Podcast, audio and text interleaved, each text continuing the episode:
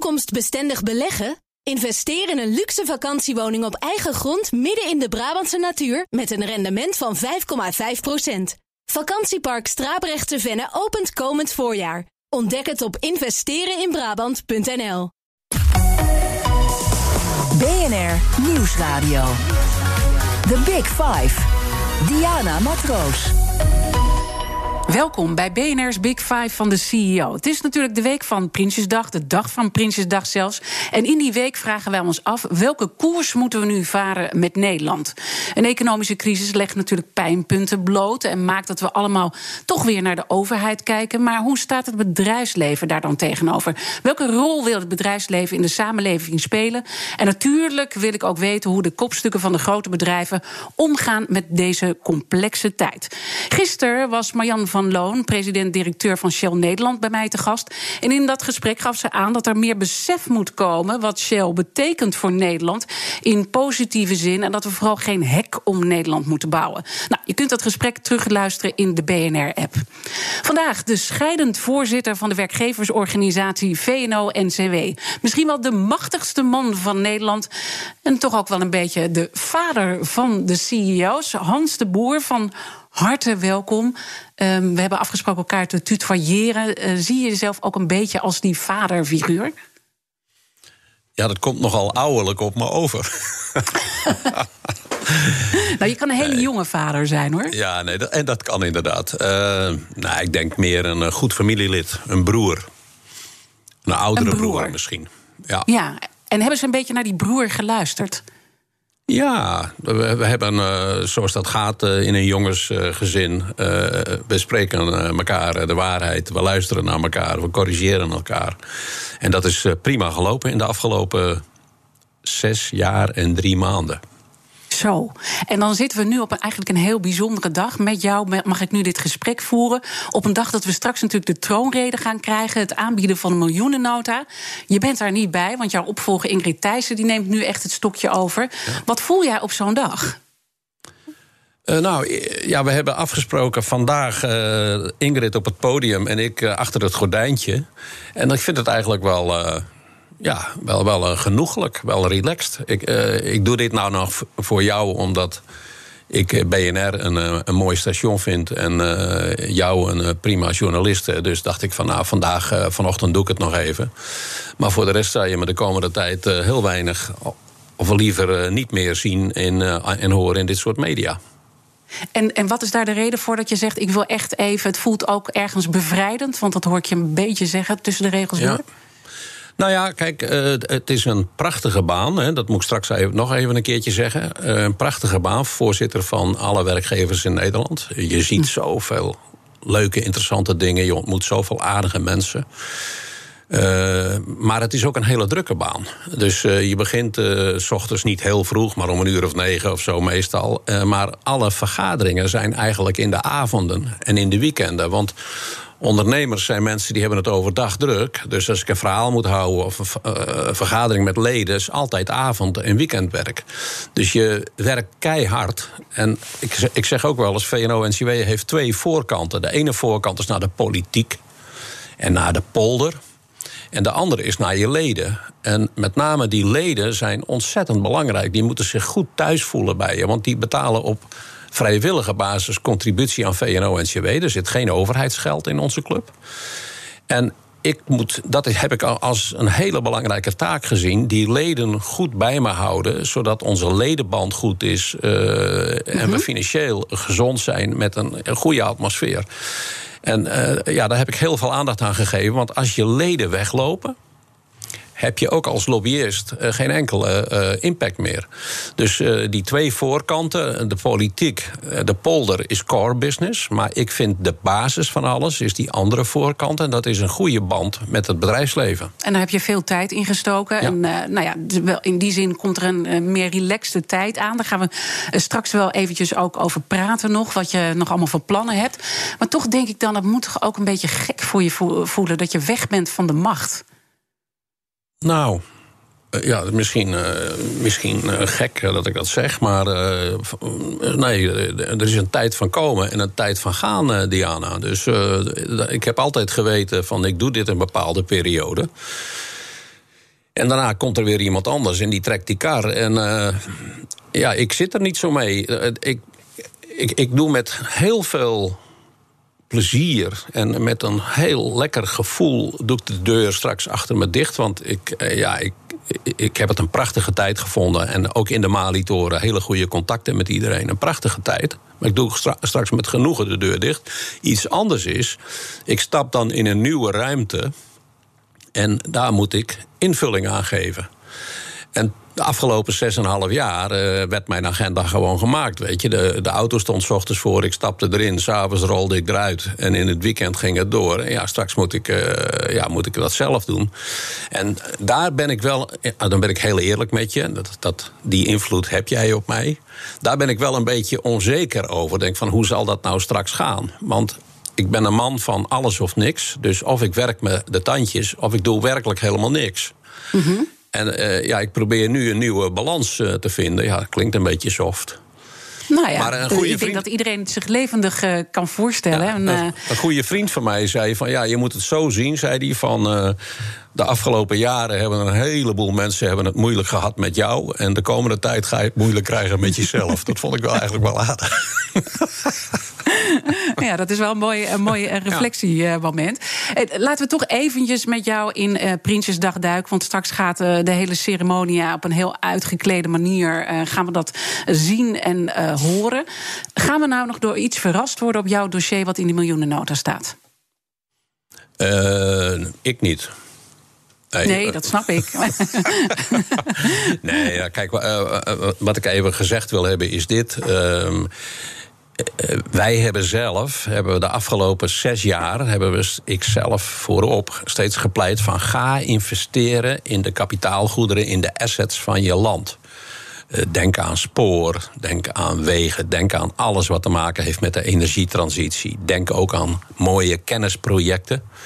Ga daarin investeren en voor Nederland is de eh, sky the limit, want we zijn een super-economie en een heel bijzonder land. Daar heb ik heel lang op lopen tamboureren. En uiteindelijk zie je daar nu vrucht van. Dus uh, Invest NL is er gekomen. Er komt Invest International. En er komt het Wiepke Fonds. En we zijn gaan investeren. En uh, dat gaat nu straks door. En dat is een ommezwaai die zes jaar geleden haast niet bespreekbaar was. Als ik toen zei van jongens, uh, denk eens aan een project als een Schiphol op, op zee. Of ik was de eerste die zei van Nederland moet een belang nemen in de holding van Air France KLM. Dan moest ik enorm opboksen tegen allerlei bezwaren. En, want dat was nieuw voor de Nederlander, om dat zo te mhm. zeggen. En nu zie je het gebeuren. En dat is echt, echt bijzonder uh, en dat verdient ja. veel hulde. Ja, uh, maar je ziet ook dat mensen daar kritisch over zijn. Uh, dat dat belang genomen wordt in Air France KLM. Hè, dus een deel is daar positief over. Maar er zit ook een, een, hoop woede. Ik noem maar even de cultuursector die zoiets heeft van wij krijgen niks en dan gaan we wel in een Frans bedrijf uh, participeren. Ja, waardoor het dus ook minder Frans wordt en wij net zoveel invloed hebben als de Franse overheid. En dat was de bedoeling. Uh, en kijk, uh, ja, het is er in dit land zo uh, dat iemand zegt iets en dan is het merendeel zegt van nou, dat is wel aardig. En er zijn ook altijd mensen die erop tegen zijn. Dus ja, dat, daar moet, moet je mee leren leven. Dat is het mooie ook van een pluriforme samenleving. Je bent dus tevreden wat er uiteindelijk uh, nou ja, in die miljoenennota staat. Jij gaat daar natuurlijk niet meer door uh, verrast worden. Toch uh, horen we nu dat die verlaging van die vennootschapsbelasting op de helling staat. Hè? Dat, dat is iets wat het bedrijfsleven heel graag wilde hebben. En dat glipt nu toch door de vingers. Dat is als volgt gegaan, uh, Diana, maar ik wil mijn opvolgster niet voor de voeten lopen. Uh, maar uh, zeg maar de VPB-verlaging, daar was een budget voor ingeruimd. Uh, dus de afspraak is gemaakt in uh, het regeerakkoord. Zijn we in de tijd nauw bij betrokken geweest. Uh, en dat geld wat daarvoor is ingeruimd, dat gaat nu. dat blijft bij het bedrijfsleven. Daar hebben we zwaar voor gestreden. En ook vanuit de coalitie veel steun voor gekregen. Want daar heeft, heeft het bedrijfsleven ook zelf voor betaald. En dat gaat nu voor een stuk naar het lage VPB tarief, dus voor het MKB, dat uh, die, die, die, mhm. schijf wordt verlengd. Dat, dat, dat is allemaal uh, goed geregeld voor het MKB, en het, maar en de het andere stuk En het andere stuk gaat naar een investeringsstimuleringsregeling voor het bedrijfsleven. En dat vinden wij een goede zaak, want het kabinet zegt nu investerend de crisis uit ook een ding wat wij heel lang hebben lopen bepleiten. Investeren de crisis uit. En bedrijven die dat doen, en bedrijven die bovendien mensen op de loonlijst hebben, die, daar, die een, een forse loonlijst hebben, die profiteren daarvan. En dat is uh, wat vandaag naar buiten zal komen. Dus we, we, er komt een verbinding tussen investeren ja, dus het voelt en niet mensen als op een de verlies. Het voelt niet als een verlies. Nee, want het geld blijft uh, bij de bedrijven en wordt ingezet op een effectieve manier. Mm -hmm. Fijn dat je luistert naar BNR's Big Five van de CEO's. The Big Five. Diana Matroos. Mijn gast vandaag is Hans de Boer, scheidend voorzitter van werkgeversorganisatie VNO-NCW. Overigens, jouw opvolger die zit uh, bij ons in de avondspits. Uh, dus dat uh, gaan we later allemaal vandaag horen wat zij te zeggen heeft. Ook over de miljoenennota. Maar dit was in ieder geval jouw afdronk van het geheel. Toch komen we daarbij ook een beetje bij het beeld wat er is bij het bedrijfsleven. in jouw tijd bij VNO-NCW heeft het bedrijfsleven vaak onder gelegen. Over het over de topsalarissen ging, over de kloof tussen uh, het bedrijfsleven en de samenleving. Het sentiment is echt veranderd. Je hoort het beeld van de grote graaiers. Hoe kijk je zelf naar die kloof? Ik denk uh, dat er in onze samenleving sprake is van een kloof. Net als in heel veel andere samenlevingen een kloof tussen mensen die heel veel kansen hebben gekregen en ook hebben gepakt. En heel veel mensen die die kansen om de een of andere reden niet hebben gekregen. En ik denk dat het heel belangrijk is dat we iedere keer opnieuw proberen om de samenleving zo in te richten dat die fair is voor iedereen. Uh, dus ik, in, zo kijken wij er als bedrijfsleven naar. En dat is ook de reden waarom wij tal van projecten onder handen hebben genomen. Denk aan bijvoorbeeld het 100.000 banen project. Hè, dus 100.000 mensen met een afstand tot de arbeidsmarkt aan werk helpen. Uh, denk aan het brugproject, wat nu even een beetje naar de achtergrond is geraakt vanwege corona. Maar waar allemaal projecten in zitten waar het bedrijfsleven uh, zeg maar de hand uitsteekt naar iedereen in deze samenleving die het moeilijk heeft. Denk ook aan uh, zeg maar het initiatief dat echt vanuit het bedrijfsleven en het grotere bedrijfsleven is genomen, de Dutch Sustainable Growth Coalitie. En waarin wij als eersten in, um, in Nederland hebben gezegd van we moeten zwaar vergroenen en Mhm. verduurzamen. Ja. Dus um, ik kijk naar die kloof en het zou heel raar zijn als je die kloof zou ontkennen. Kloven zijn er in de samenleving op allerlei manieren. Maar de En- kloof is ook groter geworden. Hè? Dat, is, wat- dat, dat, dat is wat we van alle kanten horen. Dus Ja, maar kijk, dat wil ik wel even goed met je bespreken. Want ik weet niet of die groter is geworden. Eh, het beeld is dat misschien wel, maar of dat feitelijk ook zo is, daar wil ik wel even met je bespreken. Want bijvoorbeeld, als je het meet in economische termen. eh, Dan heb je daarvoor als eh, indicator de arbeidsinkomensquote. Dus welk deel van het nationaal inkomen gaat naar eh, de werknemers en welk deel naar de kapitaalverschaffers, de AIQ. Nederland is een van de weinige landen waar die AIQ de laatste 25 jaar zo ongeveer constant is gebleven. En als je hem nu zou meten, vandaag de dag, dan zou je zien dat die AIQ fors is gestegen. Eh, dat is één ding. Een ander ding is, ehm, wij hebben vorige week of de week daarvoor heeft UNICEF zeg maar een landenranglijst gepresenteerd en eh, gekeken naar de positie van kinderen. En dan blijkt dat Nederland in de wereld het beste land is om een kind op te voeden. Eh, als je ook kijkt naar andere ranglijsten, bijvoorbeeld hoe gelukkig zijn mensen, dan zit Nederland altijd in de top drie. En als jij, daar maak ik wel eens een klein grapje over. eh, als ik dan zeg tegen de zaal waar ik dan voor sta te praten: van ja, eh, er zijn, staan twee landen boven ons, namelijk IJsland en Finland. En daar willen jullie geen van allen wonen. Dus feitelijk, te koud. feitelijk zijn we nummer één. Dus, Oké, dus maar, maar als, dus als- ik, ik vind het heel fijn dat je die, die, die, die, die data eh, noemt. En dan Ja. denk ik van, is het dan alleen maar sentiment? Nee, daarom was ik ook begonnen, heel meegaand.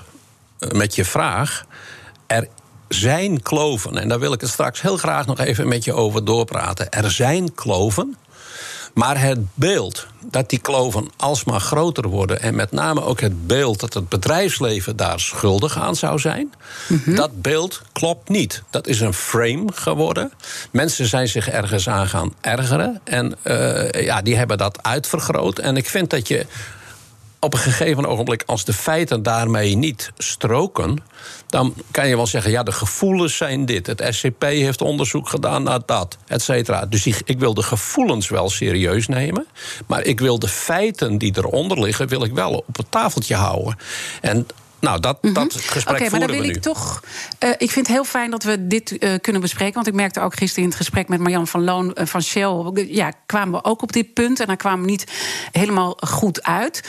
Uh, als ik dan even daar tegenover mag stellen. Dat ja. we uh, zien dat uh, Klaas Knot zegt dat de burger veel minder heeft geprofiteerd van de markt dan uiteindelijk het bedrijfsleven.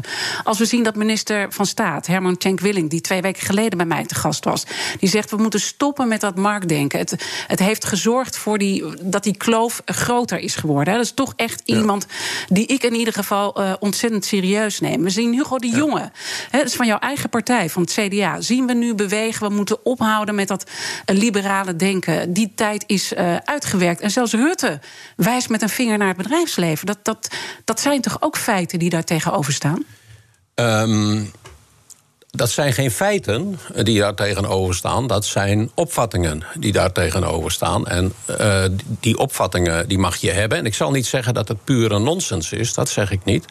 Maar ik ga even terug. Ik probeer zo feitelijk mogelijk te zijn, mm -hmm. Diana. Ik ga even terug naar zeg maar vlak voor de coronacrisis. Dus pak een beet uh, december vorig jaar, januari uh, nu huidige jaar. Toen had Nederland de laagste werkloosheid ooit.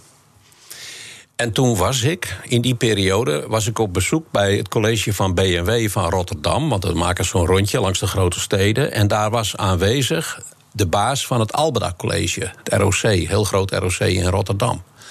En die zei tegen mij: Hans, of een leerling nou Ahmed heet of Peter, ze komen allebei even makkelijk aan een stageplek.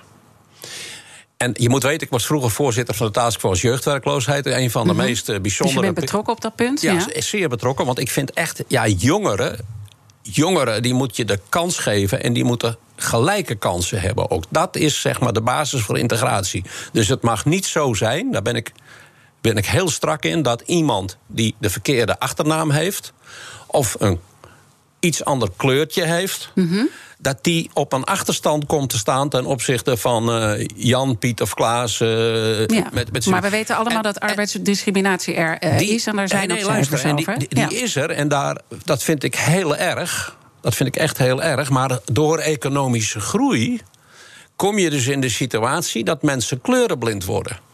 En dat was de situatie in nou, zeg maar vlak voor de, dat de coronacrisis uitbrak. En dan zeg ik van ja, Doe nou niet alsof we met z'n allen niks bereikt hebben. Incasseer mm -hmm. even het feit dat de marktwerking ja. en het feit dat onze economie zo goed draaide, dat dat ook heel veel goeds heeft gebracht. Ik zeg het direct achteraan. Diana, ik zeg het direct achteraan. Er is nog zat te verbeteren. Met name mm -hmm. op dat punt van okay. hoe, zorg ik, hoe zorg ik dat het jongetje maar, maar of het meisje. Toch, ja, die, waar toch... het wiegje niet op de goede plek stond, goede kansen heeft. Ja, en dan toch uh, uh, fascineert het mij dat we Rutte, dat is de, uh, de man van de VVD, hè, de, de, partij voor de ondernemers, ja. dat die intussen ook met dat vingertje wijst. Nou, hoe hij hoe verklaar je die? Want je zegt het is een opvatting, maar ja, hij heeft, ja, het is wel de premier. Dat, hij, ja, zeker. Daar hebben we ook een stevige discussie over gehad, hij en ik. Uh, hij, uh, hij heeft toen, dat was in Aalsmeer, en dat was een, inmiddels denk ik een, een, een jaar, anderhalf jaar geleden, een, op een partijbijeenkomst heeft hij gezegd: de winsten klots, klotsen over de plinten. Ondernemers, zorg dat dat geld terechtkomt bij werknemers. Dat was één opmerking. De tweede opmerking die hij maakte was dat hij zei: ondernemers, met name CEO's Laat je kop zien op de televisie en leg uit wat je aan het doen bent. Nou, wat betreft dat tweede punt, daar hebben we met onze leden goed over gesproken. En je hebt de laatste tijd heb je meer dan vroeger heb je CEO's uh, op de buis en uh, op de radio gehoord. Eens, dat, dat, dat vind ik ook. En ja. dat, daar zijn we ook heel erg blij mee. Want het ja. was altijd moeilijk om uh, ze ja. te krijgen. En ze zijn er. Dan moet je me toch uitleggen hoe dat dan komt. Dat die beelden die er dus zijn. En nou ja, we hebben allebei van twee kanten daar bepaalde feiten met elkaar van gewisseld. Maar het beeld uh, verandert niet. Dus ondanks het feit dat zij dus uh, komen. Uh, is dat beeld niet veranderd? Dus wat, wat gaat er dan niet goed in het verhaal? weten de machtige mensen in het uh, bedrijfsleven, ja. de bedrijfselite, wat er op straat speelt. Uh, voelen ze die, die, die, uh, die gele hesjes die we natuurlijk hebben gehad. Het zorgpersoneel dat zich niet gewaardeerd voelt. En zo kan ik nog wel even doorgaan. Ja. Hè? Ik bedoel, ja. er is echt wel feitelijk iets aan de hand. Iets Zeker. wat Cenk Willink ook echt goed omschrijft. Ja, uh, maar dan, uh, toch, Cenk Willink kan omschrijven wat hij wil. Maar bijvoorbeeld als het gaat om medewerkers in de zorg... Met, in, in de, bij de politie, het onderwijs... dan heeft de Wetenschappelijke Raad voor het Regeringsbeleid... heeft daar een heel aardig rapport over geschreven. En dat is dus wel feitelijk. Dat is ongeveer gelijktijdig uitgekomen met het verhaal van Boslab wat veel meer aandacht kreeg. Maar de WRR heeft gezegd, met name in die semi-publieke sectoren zijn werknemers ontevreden. En de ontevredenheid zit hem in het feit dat zij hun professionaliteit onvoldoende kunnen uitoefenen. Zij zitten gevangen in een netwerk van uh, bureaucratie, en in plaats van zeg maar, dat ze een boef vangen, moeten ze de hele tijd rapporten zitten invullen. Dat is wat in dat WRR-rapport staat. En als de heer Willing uh, dan zegt van ja, er is te veel marktdenken, dan heeft hij dat rapport niet gelezen. Want dan had hij moeten zeggen van joh, er is te veel bureaucratie. En dat had hij moeten zeggen. Dus omdat het nou toevallig de heer Wil, uh, uh, Cenk Willink, Cenk ja. Willink is, denkt hij van nou, dat beeld dat, dat zal wel waar nou, zijn. Maar daar zet Hans heeft de Boer, hij ook omschreven hoor. Daar zet Hans de Boer het volgende tegenover. Ja. Kijk, uh, Diana, je, ga nog even lekker door. Want het, het was nou, tot nu toe weet core je, weet business, je, hou even je, hou even je punt. Core hou business even van je mij punt. Nee, om vervelende vragen te beantwoorden. ja. uh, en daar gaan we straks uh, ook mee uh, verder. Want ja. we, we, gaan zo naar het tweede deel toe. En dan wil ik toch van je weten van hoe het nou komt dat dit beeld dan toch zo blijft liggen. Wie, wie framet dat dan en wie heeft daar belang bij? En wat ja. voor Nederland moeten we gaan zijn? Tot zo. BNR Nieuwsradio. The Big Five. Diana Matroos. Welkom terug bij het tweede halfuur van BNR's Big Five. Deze week praat ik met de top van Nederland in BNR's Big Five van de CEO's. Mijn gast vandaag is Hans de Boer op zijn laatste dag als voorzitter van de werkgeversorganisatie VNO-NCW. Um, en ja, dus eigenlijk ook het uh, afscheidsinterview. Uh, Hans, we waren net uh, gekomen tot een heel belangrijk punt, die kloof tussen de samenleving en het bedrijfsleven. Waarvan je eigenlijk zegt van ja, is die kloof wel groter geworden? Die kloof is er. En daar maken we ons zorgen over. Maar die kloof is niet per se. Uh, groter geworden. Nou, ik heb daar wat beelden tegenover gezet. En ook wat opvattingen van nou, een indrukwekkend lijstje, waaronder zelfs uh, onze eigen premier. Hoe komt het nou uh, dat dat beeld er is, denk jij? Als het goed gaat met de, dus, het, dus het beeld uh, betreffende de, de bedrijf, uh, bedrijven die het niet goed zouden doen. Hè, dat is eigenlijk ja, waar, waar ja. je over spreekt. De grote graaiers, de grote niks graaiers. doen voor de samenleving, et cetera. Ja. Nou kijk, wat mij is opgevallen in de laatste ruim zes jaar... is dat het beeld verandert in de tijd. Uh, toen ik aantrad, uh, dacht heel Nederland, dat stond toen ook in de kranten, uh, Nederland gaat nooit meer groeien. 0% groei, misschien een half procentje. Want zo stond dat toen in de kranten. En ja, we moeten, en hoge werkloosheid, dat hoort erbij. En wat kunnen we eraan doen? In die tijd was er veel oor naar wat het bedrijfsleven zei. Niet zo lang daarna kwamen er Amerikaanse private equity partijen die wilde, Heinz Kraften, dat is geen private equity, maar wel iets in die geest. Die wilde Unilever mm -hmm. overnemen en PPG wilde Axo Nobel. Toen is er een kamerbrede motie aangenomen. En die zei van, kabinet, zorg dat uh, deze bedrijven niet uit Nederland worden weggekocht, weggejat. dat was ook de tijd waarin Nederland zei van over de KLM. Jongens, dit is een parel voor Nederland. Frankrijk heeft te veel inbreng, doe er wat aan. Mm Toen ik heb steeds over gezegd van jongens, natuurlijk kan Nederland groeien. Je moet investeren. Nou, het is gebeurd. We zijn gaan groeien. Toen, uh, op een gegeven moment gaat Nederland zich dan welvarend voelen. En dan zijn er bepaalde mensen die zeggen van... oh, uh, nou, het loopt lekker. Dan kunnen we nu het bedrijfsleven wel eens even aanpakken. Dat, uh, dat beeld is door een aantal partijen neergezet. in de Tweede Kamer, maar ook zeg maar vanuit de milieuhoek is dat neergezet. En dat frame is zijn eigen leven gaan leiden. En wat ik nou vind is, en dat heb ik ook tegen mijn leden gezegd: van jongens, jullie laten je te makkelijk in de hoek zetten. Want ten eerste, als je dingen fout doet, Wees fair en square en zeg van ik heb het fout gedaan, ik ga het anders doen. Maar vergeet niet de goede dingen die je ook doet om die te melden. Nou, ik heb je net een aantal voorbeelden genoemd van hoe wij mhm. best heel redelijk presenteren. Heel redelijk, eigenlijk het beste in Europa en een van de beste in de wereld presteren op economisch gebied. En mhm. hoe dat ook leidt tot heel veel baankansen. Ja, maar, maar, maar die, die ziet iedereen ook. Alleen de discussie die gaande is, profiteert iedereen daar wel voldoende van. Hè? Ik bedoel, als ik even nou ja, de topman van Shell uh, pak, die had uh, op 1 januari uh, om half drie smiddags had hij al het minimum uh, loon binnen. Hè? Dus ja. zo wordt er ook naar gekeken. Is ja. er dan daar toch niet ergens iets scheef gegroeid wat het bedrijfsleven ja. niet goed aanvoelt? Kijk, uh, Diana, als jij over uh, de topsalarissen begint, uh, ja, die zijn, dat loopt inderdaad enorm uiteen met wat een verpleegkundige verdient of een leerkracht of een politieagent. Dat loopt enorm uiteen. En als je mij vraagt van Hans, verdedig dat verschil, dat is niet te verdedigen. Het enige is dat ik kan zeggen van ja, de Nederlandse toplieden verdienen nog bescheiden als je het vergelijkt met de partijen met wie ze uh, zeg maar op -hmm. wereldschaal concurreren. Dan Zeker. verdienen ze nog bescheiden. -hmm. En het is net als met de voetballerij. Uh, wat je ziet is dat je hebt hele goede Nederlandse voetballers, vooral jonkies. Wij betalen in Nederland zeg maar een topper bij, bij, bij Feyenoord... die verdient 1 of 2 miljoen per jaar.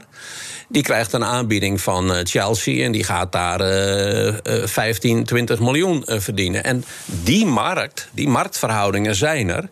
En ja, daar, moet je, daar kan je alleen door internationaal optreden, kan je daar wat tegen doen. Maar als mensen tegen mij zeggen: Hans, vind je dat niet een beetje scheef gegroeid? Dan zeg ik van nou ja, het zou allemaal wel een tandje minder kunnen. Dus dat ben ik met mm -hmm. je eens. Maar mm -hmm. iets anders is dat. Iets anders is dat.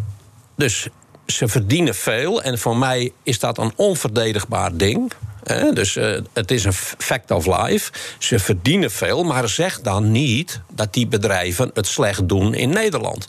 Want dankzij die hele grote bedrijven uh, vindt in Nederland ontzettend veel research plaats. En kunnen jongelui vanuit universiteiten, et cetera, uh, kunnen zich ontplooien en ook internationaal carrière maken. Dat mm -hmm, is toch een mm -hmm. mooi ding. Dankzij mm -hmm. die grote bedrijven heeft, hebben de, de lunchrooms Mhm. op de hoek hebben werk, et cetera, et cetera. Dankzij die grote bedrijven. Maar uiteindelijk kan... gaat het erom, um, en, en dat, dat, dat zie ik ook allemaal natuurlijk. Ja. Um, er is een enquête ook uitgevoerd door NL 20 2025. En die, uh, nou, uit die enquête blijkt dat Nederland wil meer saamhorigheid. Er is een enquête gedaan onder 145.000 ja. inwoners. Hè, maar ook de grote bedrijven uh, zijn daarbij betrokken.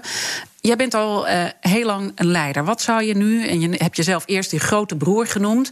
Wat, wat zou je nou die grote bedrijven adviseren met het beeld uh, dat er in ieder geval is over dat uh, bedrijfsleven? En de wensen die Nederlanders hebben: meer saamhorigheid, meer, we willen meer profiteren allemaal van de welvaart. Wat zou je de bedrijven adviseren? Nou, adviseren is één ding en doen is iets anders. Kijk, we hebben met z'n allen gezegd in binnen VNO-NCB... wij starten het brugproject op. En we gaan met z'n allen gaan we projecten oppakken. Het bedrijfsleven in de leidende rol. Waar Nederland als geheel ook op een directe manier van uh, profiteert. Dus denk aan een uh, project als bijvoorbeeld het uh, Schuldenlab, waar mensen die in schulden worden geholpen en op het goede pad worden gezet. Daar is het grote bedrijfsleven, banken, verzekeraars op een enorme manier bij betrokken. Alles wat te maken heeft met stageplekken, eh, jonge jongens en meiden een kans geven om, om carrière te maken, dat soort zaken. veiligheid op straat, daar kunnen wij een veel grotere rol in vervullen. Nou, dit project had eigenlijk nu ja, dat was mijn wens. Uh, dat, dat had ik ontzettend graag uh, zeg maar in volle glorie neer willen zetten. Maar vanwege corona zijn de prioriteiten even anders komen te liggen. Maar dat zijn allemaal zaken om uh, op te pakken op de langere termijn? Nee, nee, nee, nee niet langere termijn. Want oh. ik zou je vertellen, mijn zeer gewaardeerde opvolger Ingrid Thijssen... die gaat hier volle bak mee aan de gang. Ja, maar wat zou je dan zeggen tegen die CEO's, Hans, als die grote broer? Uh, Gewoon even uh, mannen en vrouwen onder elkaar. Uh, jongens, hou de kerk in het midden. Hou de kerk in het midden. wees een goede vaderlander. je mag echt in dit land heel goed verdienen, want niemand loopt daarover te mouwen. Maar hou de kerk een beetje in het midden. En waardeer wat we hebben in dit land. Hier kunnen de, de kinderen nog op het fietsje naar school. we hebben gewoon een superland, maar we zijn ook een heel egalitair land. Speel daarmee. Dat is, en, eh, dat is mijn oproep. Laat, je, laat je ook zien in uh, programma's zoals dit bijvoorbeeld. Want kijk, je, uh, jij moet nu ook even je best doen om mij het vuur aan de schenen te leggen. Want anders dan doen jullie het niet goed. Maar ga je hier gewoon zitten en uh, doe, je, doe je ding. Want er is zoveel goeds te melden over de rol van het bedrijfsleven in Nederland. Echt waar, zonder bedrijfsleven lagen we met z'n allen in de goot hier. ja, is, is dit jouw laatste actie als lobbyist, Hans? Nou, als lobbyist, uh, kijk, ik ben er altijd van om de kerk in het midden te houden en om fair en square door het leven te gaan. Dat, is, dat is mijn. Zo ben ik een beetje uh, opgevoed door mijn oude vader, anders kreeg ik een lel uh, tegen mijn hoofd. En, ja, dat, en ook door mijn broers. Dus zo moeten we gewoon door het leven. En als ik dan aan jou zou vragen op jouw laatste dag, je mag best een beetje opscheppen bij het afsluiten van je carrière. Wat, wat, wat maakt jou een goede leider? Kijk, uh, ik, je hebt leiders die zitten, bijvoorbeeld als je in legertermen praat, die zitten diep in een bunker en die geven leiding via beeldschermen. Zo'n leider ben ik niet. Ik ben een leider, dat heb ik bij mijn bedrijven altijd gedaan, die zeg maar in de frontlinie meestrijdt en die zelf ook laat zien dat hij wat kan. Uh, dus uh, dat is mijn manier van doen. Ik ben ook niet geschikt voor uh, hele grote uh, abstracte leiderschapsposities. Daar ben ik niet geschikt voor. Ik ben geschikt voor. Uh, dus mijn grootste bedrijf dat ik ooit heb geleid had een dikke 100 man. Bij VNO-NCW werken er 200. En um, dat, ik hou daarvan. Want dan ken ik de mensen nog met wie ik moet samenwerken. Tegelijkertijd is het nu zo dat op wereldschaal moet je wereldomspannend kunnen werken. Dat soort van grote multinationals hebben wij in Nederland gelukkig heel veel. En die vereisen een ander soort leiderschap. En die mensen hebben wij gelukkig ook. En waardeer dat nou. Ik heb gezegd, zie daar de schoonheid van. We hebben een combinatie van grote multinationals, middenbedrijven, familiebedrijven en kleine bedrijven ik heb altijd in dat middensegment gezeten. Maar de schoonheid daarvan is dat we ze mhm. alle drie hebben. En dat ze elkaar aanvullen. En dat zij door mensen werk te geven, belastingen te betalen, premies, hier research en development doen, is dat ze elkaar versterken. En met die float van heel groot, middelgroot en klein gaan we de wereld over. Dus dat is weer dat beeld van. Uh, je vindt dat daar meer waardering uh, moet komen. Dat we die combinatie uh, goed moeten zien. Ja, en ik denk eerlijk gezegd, Diane, dat het gros van de Nederlanders die waardering ook heeft. Alleen er zijn een paar mensen die de hele tijd lopen te, lopen te mouwen van nou, het is, gaat niet goed. En die krijgen erg veel aandacht. Maar de ja, gemiddelde met, met welk belang dan? Met welk belang dan, Hans? Ja, omdat. Hoe is dat? de gemiddelde Nederlander realiseert zich dat hij of zij werk moet hebben en dat we met z'n allen concurrerend moeten zijn in de wereld. Omdat als we dat niet meer voor elkaar krijgen, dan verliezen wij welvaart. En dan, daar is ook de verpleegkundige de dupe van. En daar is iedereen de dupe van. Dus je basis moet op orde zijn. Het is goed marxisme, maar ook iemand als Bill Clinton had dat in de gaten. It's the economy, stupid.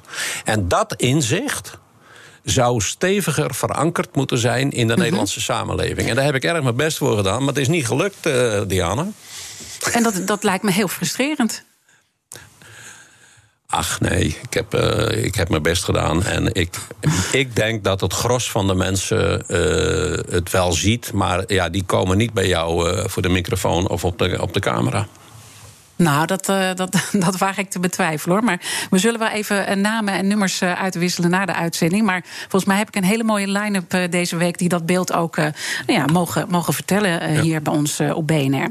Um, zometeen praat ik verder met Hans de Boer, scheidend voorzitter van werkgeversorganisatie VNO-NCW. BNR Nieuwsradio. The Big Five. Diana Matroos.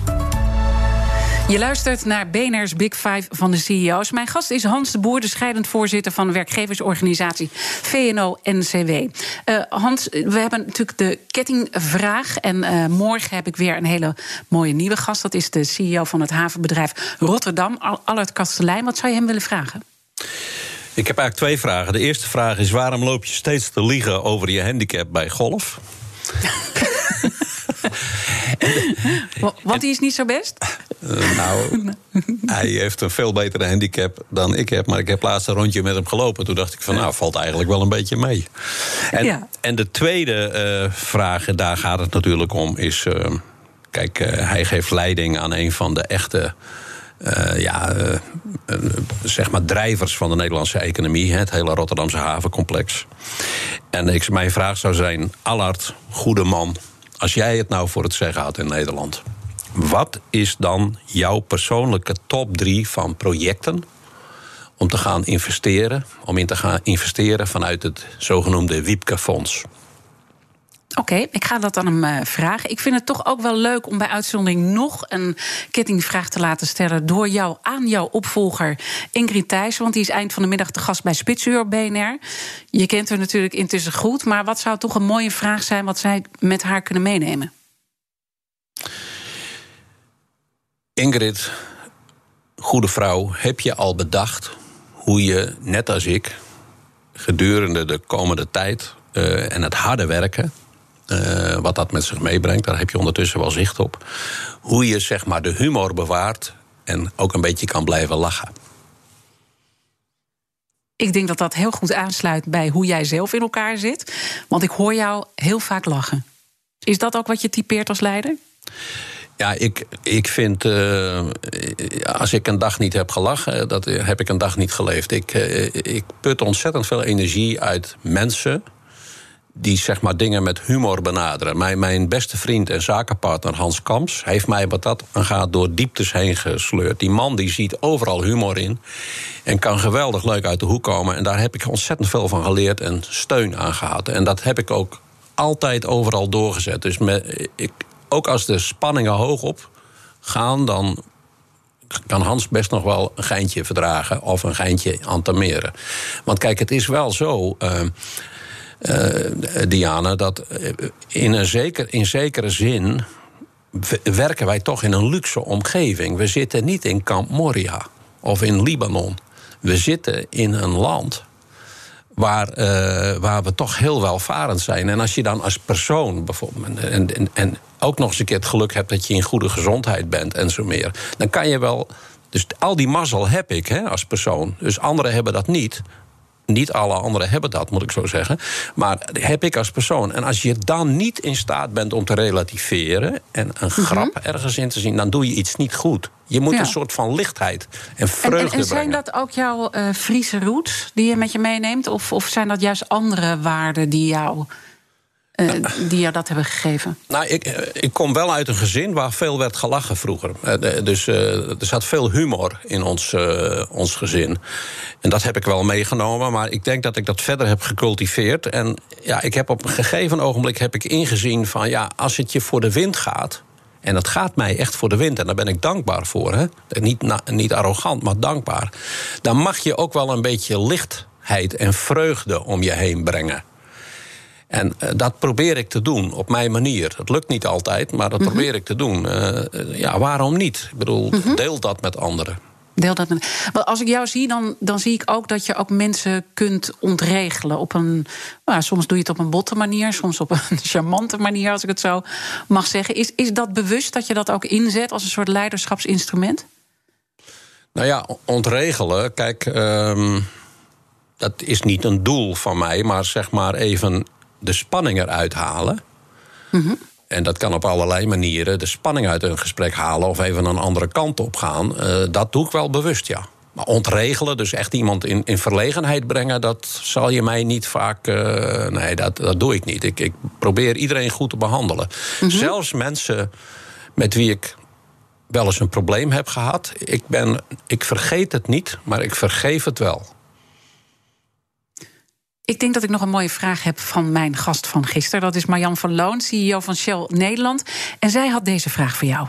Morgen is volgens mij zijn eh, eerste dag vrij of zijn laatste dag werk. Dan weet ik niet hoe hij er tegenaan kijkt. En ik zou heel erg benieuwd zijn wat er dus bovenaan op zijn bucketlist staat. En wat niet werkgerelateerd is, waar hij zich op gaat richten in de komende tijd.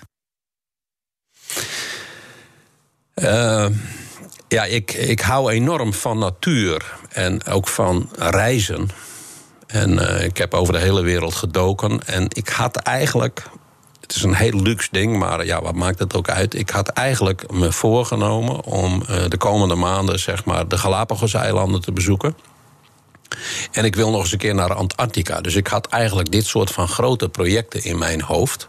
Ja. Maar vanwege corona zullen we nog een jaartje moeten wachten. En denk ik dat ik de komende tijd veel in mijn tuin zal doorbrengen. En thuis. En, ja. Ja. en, en nu is in die sfeer is mijn grote doel... hoe word ik een goede echtgenoot? Want dat heeft, daar heeft het aan ontbroken, Hans. Nou ja, ik heb wel mijn best gedaan, maar ik was natuurlijk weinig thuis. En nou, nou ben ik het straks wel. Dus dat moet even wennen, denk ik. En daar ben ik wel... Ik denk dat zij er ook aan moet wennen, of niet? Ja, zeker. zeker. Nee, we, hebben, we hebben het er af en toe over. En zij, is, eh, ja, zij, eh, zij ziet donkere wolken. En wij mo- we moeten er wat van maken met z'n tweeën. Dus dat, dat wordt mijn doel. En, eh, en ook uitdaging. Ja. En dan tegelijkertijd denk ik, joh, Hans gaat helemaal niet met pensioen. Nou, ik zou je vertellen, eh, Diana. Ik, eh, ik heb het heilige voornemen om niet als een malle baantjes te gaan verzamelen. Daar heb ik niet zoveel zin in. Dus, Nee, maar ik heb het over iets groots. ministerschap. Ik bedoel, de verkiezingen zijn aanstaande. Nou, nee, dat, eh, dat, kijk, eh, je, je weet zelf eh, dat ik soms ook vrij pittig uit de hoek kan komen. En als ik dan in een Tweede Kamer kom en de mensen gaan allemaal dingen zeggen waarvan ik denk van ja, dat is puur politiek en niet op inhoud. Dan weet ik niet of ik het geduld kan opbrengen om dat zeg maar dan goed ja, te beantwoorden. Dus ik Dat denk zou jou dat niet echt passen. Nee, ik, Ben, ik ben een projectenman. Ik hou ervan om, zeg maar, als er een probleem is, om dat om te vormen naar een project. En te zeggen van laten we dat goed gaan runnen. Bijvoorbeeld, mensen komen niet aan, een- aan werk. Laten we een goed project in elkaar steken en zorgen dat mensen aan de slag komen. Of eh, we hebben een, een probleem met de inrichting van Nederland. Er kunnen niet, niet genoeg huizen worden gebouwd. Laten we de Lelylijn aanleggen naar het noorden. Een snelle verbinding. Zodat mensen ook daar kunnen wonen en op afstand kunnen werken. Dat soort dingen. En ik, ik ben. Dus, en ik geloof in, in de kracht van een project. Dus een uitdaging. Je bent een praktisch, Ja. praktisch persoon. En ja. ik, ik denk ook dat als je dat doet, als je projecten succesvol inricht, dan zien de burgers van het land ook: hé, er gebeurt wat. Ja. En ik denk dat dat bijdraagt aan eh, ja, eh, zeg maar saamhorigheid. Zo begon jij deze uitzending. Ik denk dat dat bijdraagt aan saamhorigheid. Dus een project is ook een metafoor van samen ergens de schouders onder zetten. En ja, daar geloof ik in. En Mhm. toevallig kan ik dat ook een beetje. Dus als er eens een heel mooi project zou, zou komen, wat wat voorstelt. en ze dan, vragen dan me zien we jou daar terug. Nou maar in ieder geval niet in de, niet in de politiek. Nee. Ehm, uiteindelijk eh, stap jij straks in die auto met chauffeur nog. Ja. Eh, je gaat naar huis, eh, Prinsjesdag gaat lopen. Is er ook iets wat je, nou ja, gaat missen als kiespijn? Van dat hele circus? Nou ja, kijk. ehm, je, je moet eh, eh, met name zeg maar, in de contacten met eh, journalisten enorm uitkijken wat je zegt. Eh, want een uitspraak kan soms eh, enorm eh, worden uitvergroot of in een ander daglicht komen te staan. En eh, daar heb ik, me, eh, heb ik me wel eens wat slechter bij gevoeld in de afgelopen periode. En ik ben heel blij dat dat straks uh, voorbij is. En dat de kleerscheuren, want iedereen die wat doet, hè, waar gehakt wordt, vallen Spaanders. Maar iedereen die wat doet in dit land, die krijgt bij tijd en wijle een goed pak op zijn sodemieter. Heb ik ook een paar keer gehad. En uh, dat is geen vreugde. Dat doe, je, dat doe je niet voor je lol. Dus ik ben blij dat dat straks over is. En ik wens mijn opvolg, opvolger die ook toe dat zij daar ja, voor behoed wordt. Goed, ik wil je heel hartelijk danken dat je hier op je laatste dag bij ons wilde zijn. Bij BNR, bij BNR's Big Five. Dank Hans de Boer en alle succes met alle nieuwe dingen die je gaat doen. En natuurlijk uh, zijn alle afleveringen zoals altijd van BNR's Big Five terug te luisteren. Je vindt de podcast in de BNR-app en op bnr.nl. Maar natuurlijk straks het programma Jurgen, Jurgen Rijman... of het programma Ask Me Anything, moet ik zeggen, met Jurgen Rijman. En ik wens iedereen een hele mooie, zonnige dag gelukkig. Unieke vakantiewoningen met luxe buitenkeuken, hot tub of privézwembad? Het kan allemaal op Straaprechtse Venne. Het luxe vakantiepark midden in de Brabantse natuur. Investeren en recreëren? Ontdek het op Brabantisprachtig.nl